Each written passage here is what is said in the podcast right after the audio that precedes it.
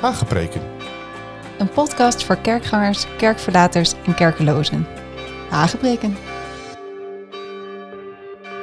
In een onzekere wereld waarin veranderingen elkaar versneld opvolgen en ons samenkomen, zingen en beleven steeds vaker onder druk komt, is een bijbelse koers houden een must en een kompas. Tuurlijk, het is jouw leven, het is jouw schip, maar de beste stuurlui, die hebben een loods. Mijn naam is Benaya en ik vaar graag een handje met je mee.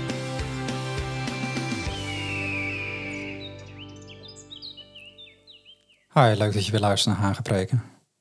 Nou, het is weer een roerige week geweest. Daardoor uh, liet deze aflevering weer even op zich wachten. Mijn excuus. Zoals je weet is uh, consistentie het streven en daarmee bedoel ik elke week een Hagepreek. Ja, dat zou een, uh, een mooi doktersadvies zijn. Maar zoals altijd, life happens when you were busy making plans. Dus dat was hier ook het geval. Mijn vrouw ging dit weekend even onderuit. Dus was het een bezoekje aan de spoedeisende hulp tussendoor. Dat was even schrikken, met name gezien haar fysieke toestand. Maar goddank uh, liep het allemaal met de sisser af. Dus uh, we zijn er weer. Maar ook buiten het gezinsleven speelde natuurlijk van alles. En uh, je verbaast je elke keer weer over hoe wat normaal was steeds meer een herinnering wordt van vroeger. Waar je zo langzamerhand met heimwee op terugkijkt.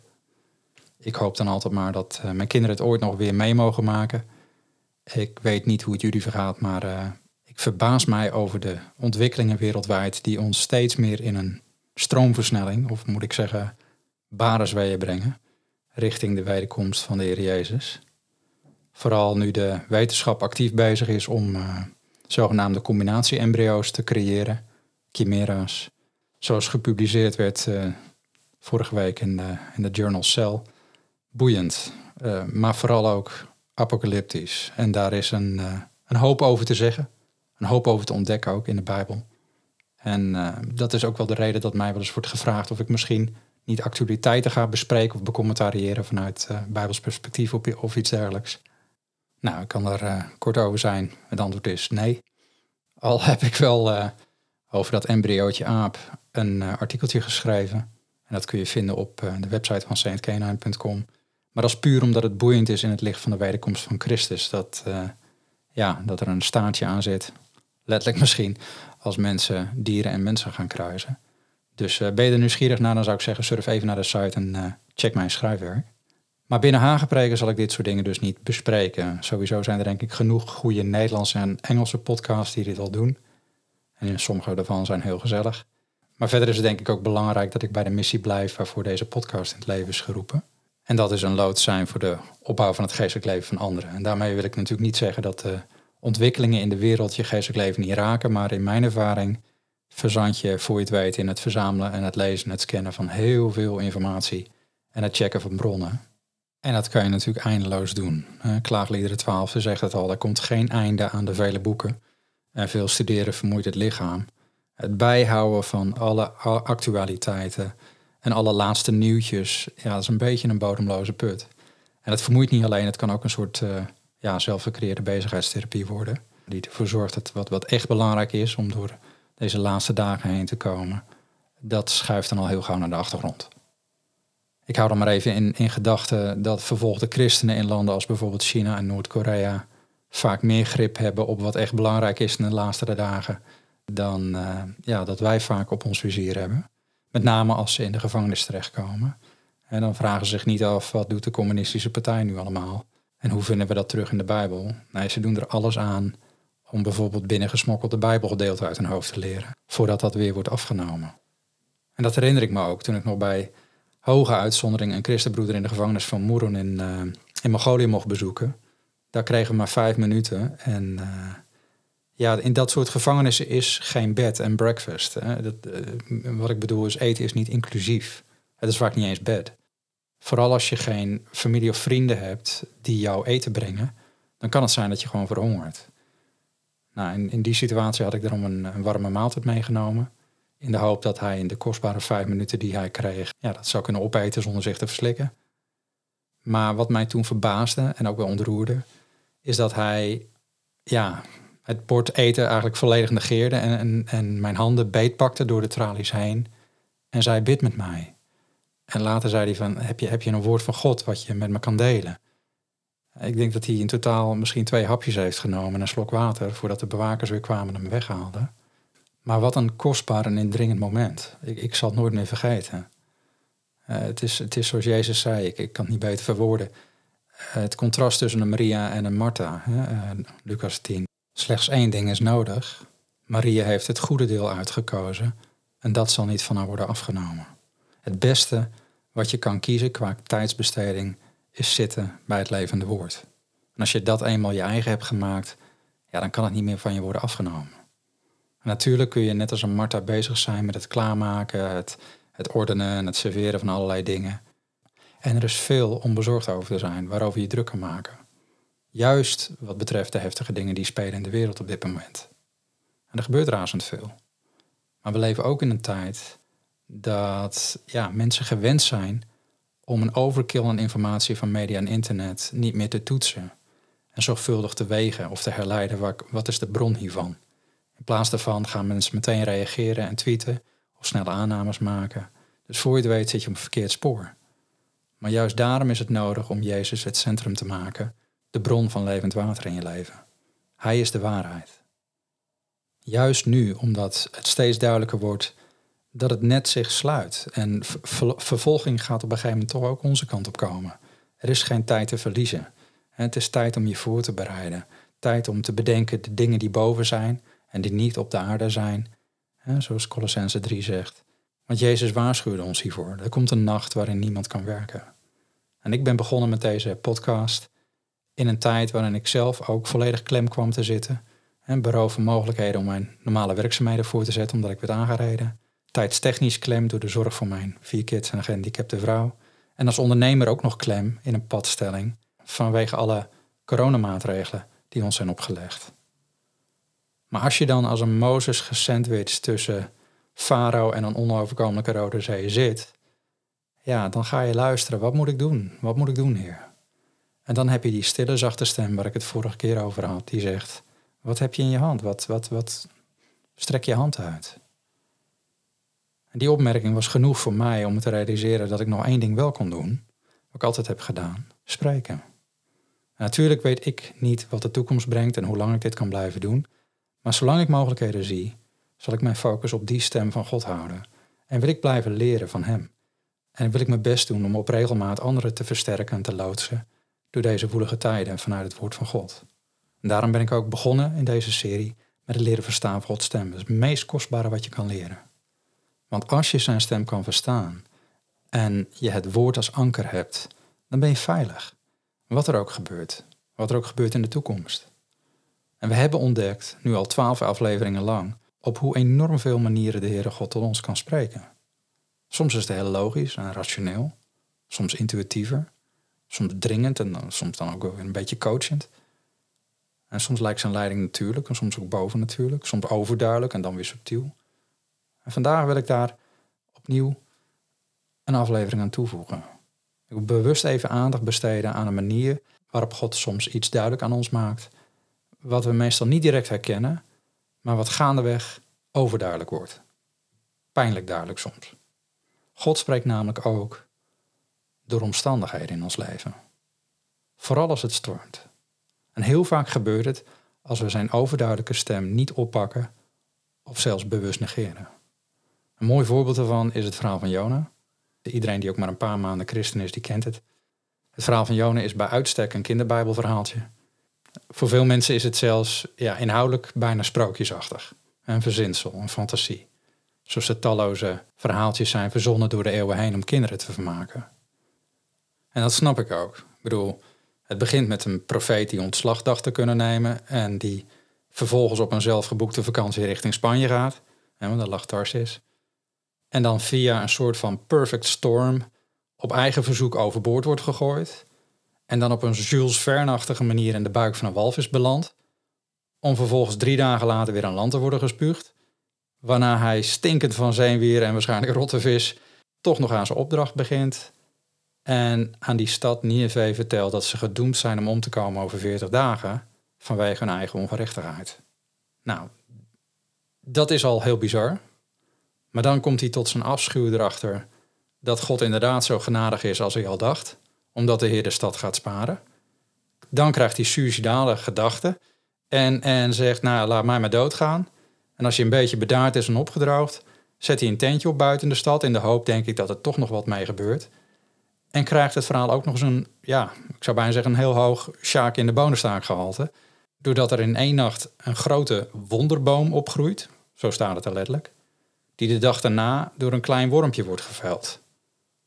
Ja, dan mag je als lezer daar de lessen uittrekken. Nou, dat, dat lijkt prachtig fantasierijk en bizar. Ik bedoel, wie gelooft nou zoiets? Wie gelooft dat zoiets echt is gebeurd? Nou, ik dus. Uh, gelukkig meer mensen. Maar het is net zoals ik vorige keer vertelde.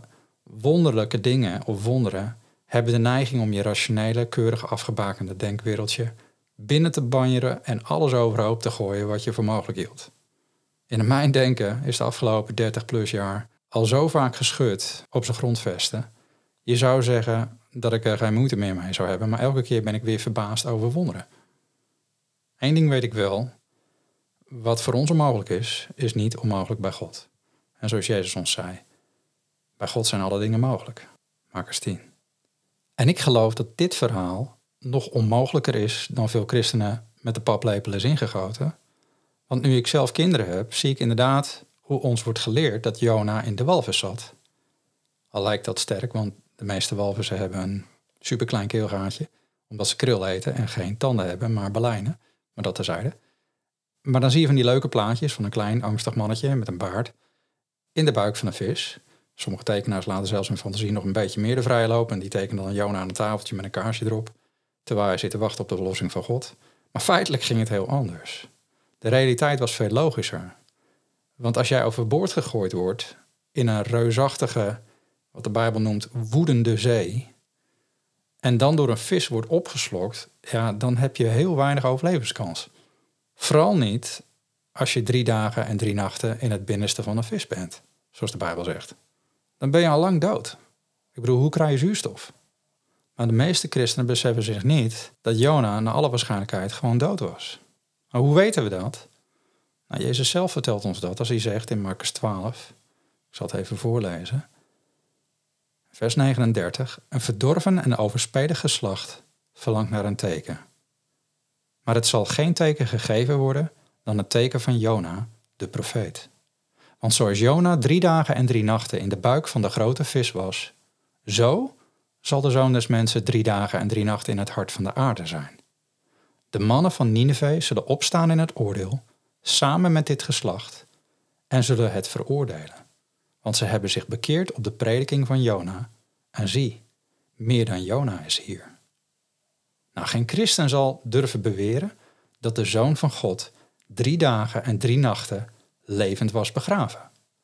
En toch, de vergelijking die de Heer Jezus maakt, zoals Jona, zo zal de zoon des mensen, ja, dat zou niet opgaan als Jona nog wel leefde. Want dat zou betekenen dat hij niet echt de dood heeft overwonnen, maar het enkel heel benauwd heeft gehad, net zoals Jona het dan benauwd zou moeten hebben in een vis. En daarom is het wonderaspect in dit verhaal vele malen groter, denk ik, dan wordt, wordt gepredikt meestal. Want Jona was een typebeeld van de Heer Jezus, zelfs al was hij een rebellie. Zijn dood en opstanding en terugkeer om het oordeel uit te spreken, was een heenwijzing naar de uiteindelijke rechter van de wereld, die straks terugkomt om te oordelen, maar nu nog genade aanbiedt, net als aan Nineveh, zoals Jona dat ook deed. Nou, wat heeft dat te maken met Gods leiding door omstandigheden, zou je misschien zeggen? Nou, er zit een groot aantal momenten in het leven van Jona dat God spreekt. Niet langer rechtstreeks, maar door omstandigheden. En dat begint al op de boot naar Spanje. Daarover gesproken, ik heb altijd een beetje medelijden gehad met de mensen om Jona heen.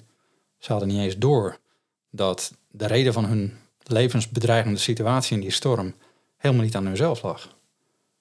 En even een konijnenpaardje, ik denk dat het herkenbaar is voor een hoop mensen. Het kan namelijk zo zijn dat je soms problemen of stress of strijd in je leven hebt. Niet zozeer omdat jij dit veroorzaakt of hebt veroorzaakt, maar omdat je een Jona aan boord hebt.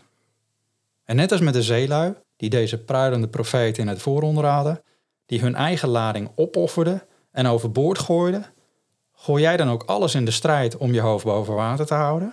Je ontzegt jezelf van alles om de situatie wat lichter te maken en ondertussen is de persoon voor wie je het allemaal doet helemaal niet actief participerend richting de oplossing. Het is net als bij de zeelieden dan. Jona was niet aan het roeien. Hij sliep. Hij was hartstikke passief en onverschillig.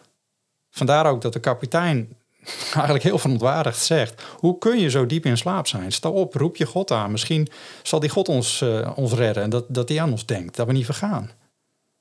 En daarom moet je soms, als je merkt dat de persoon die jij uit alle macht probeert te helpen, maar die zelf passief blijft en zich ook niet uitstrekt naar God om eruit te komen, soms moet je de moeilijke keuze maken, de beslissing, om te zeggen: joh, ik hou van je, ik wil er voor je zijn, maar om zelf niet het schip in te gaan en naar de kelder, zeg ik in de naam van de Vader, de Zoon en de Heilige Geest, hup, overboord. En dat is een moeilijke beslissing. Toen die optie de eerste keer bij die zeelui eh, langskwam, was hun reactie ja, nog harder roeien. Je probeert te redden wat er te redden valt. Je gooit namelijk niet zomaar iemand overboord.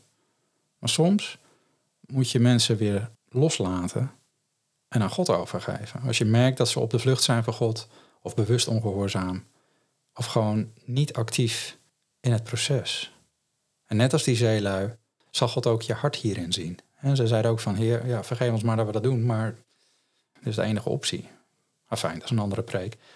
Maar Jona had daarmee dus al een eerste heads-up te pakken van God. Dit is niet de juiste weg, rechtsomkeerd.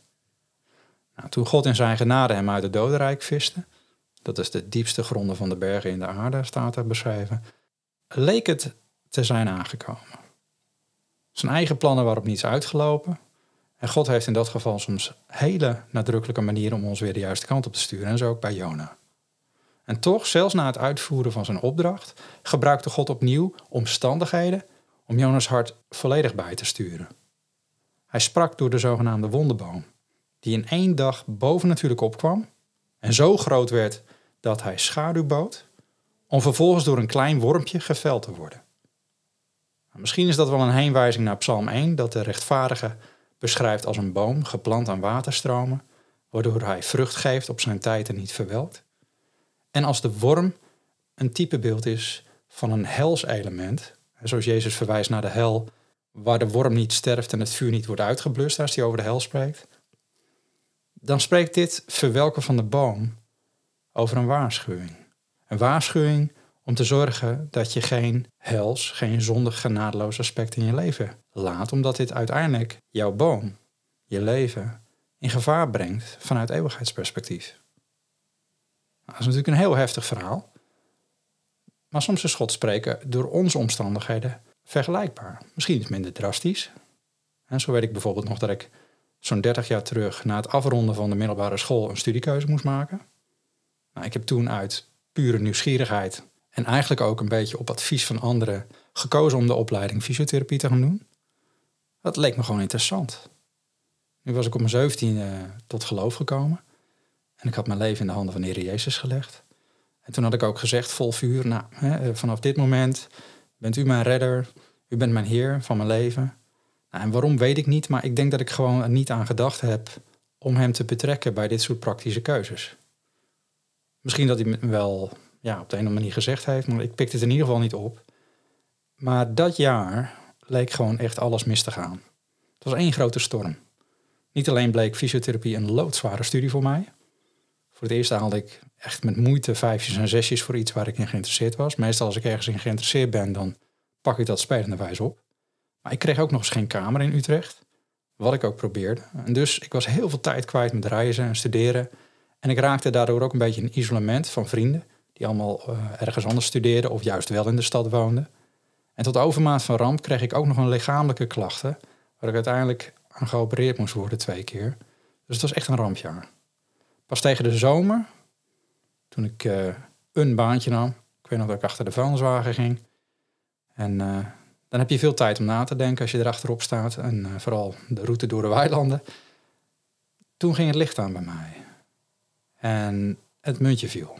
Ik begon te bidden van, Heer, net als Jona, ik zit hier in de benauwdheid, achter de vuilniswagen. Wat wilt u met mijn leven? uiteindelijk leidde God mij naar een studie die ik nooit zelf zou hebben uitgekozen, namelijk Engels. Maar ik wist toen nog niet dat er nog twee theologische studietrajecten achteraan zouden komen. Eentje in Amerika en eentje in Engeland. Ja, en daar heb je Engels voor nodig. En ik, dat ik later in allerlei landen zou onderwijs geven en dingen zou opzetten in het Engels. Maar op het moment dat ik begon en God erin had betrokken, leek ineens alles voor de wind te gaan. Ik kreeg binnen no time een kamer, notabene in de Poortstraat en Zijstraat van de Beeldstraat, midden in het centrum van Utrecht op 10 minuten fiets van de Uithof. En ik kreeg een nieuwe kring aan vrienden, binnen navigators. En de studie, nou, die ging, die ging me zo makkelijk af dat ik eerlijk kan zeggen, dat deed ik erbij. Ik had genoeg tijd om het te richten, verdiepen van mijn geloof, lesgeven aan anderen, vrienden, sport. Natuurlijk ontdekken wat God nog meer met mijn leven in, uh, in petto had. Maar het waren omstandigheden, de storm in mijn leven, waardoor God sprak. Nou, misschien goed ook om jezelf eens af te vragen. Wat gebeurt er op dit moment in mijn leven? Zou het zo kunnen zijn dat de Heer mij iets wil zeggen, dwars door de storm waar ik nu doorheen ga? En zit ik in een storm omdat God mij te pakken wil krijgen, op een dieper level? Of omdat ik misschien een Jona aan boord heb, die ik moet durven loslaten en aan de Heer moet toevertrouwen, omdat ik hem niet kan redden? En ik bid dat je helderheid van God erop krijgt. Waarom? Als het stormt, ga niet voor rust in het ruim, maar probeer te kijken. Wat wil God zeggen? Heb ik een afslag gemist? Spreekt hij door omstandigheden? En waar is de weg uit deze situatie? Nou, genoeg om er weer over na te denken. Volgende week pakken we weer opnieuw op. Gaan we kijken naar hoe God nog meer kan spreken. Want er is nog heel veel meer. Voor nu, blijf koers houden. Blijf verlangend luisteren. En volgende keer navigeren we weer verder.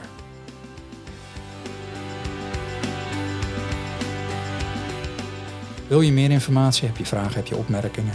Surf even naar benaje.nl en word je doorgeloodst naar een contactformulier of ga naar saintkenan.com en dan krijg je mij te pakken.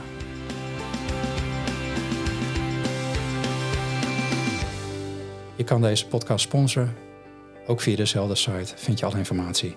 Dankjewel.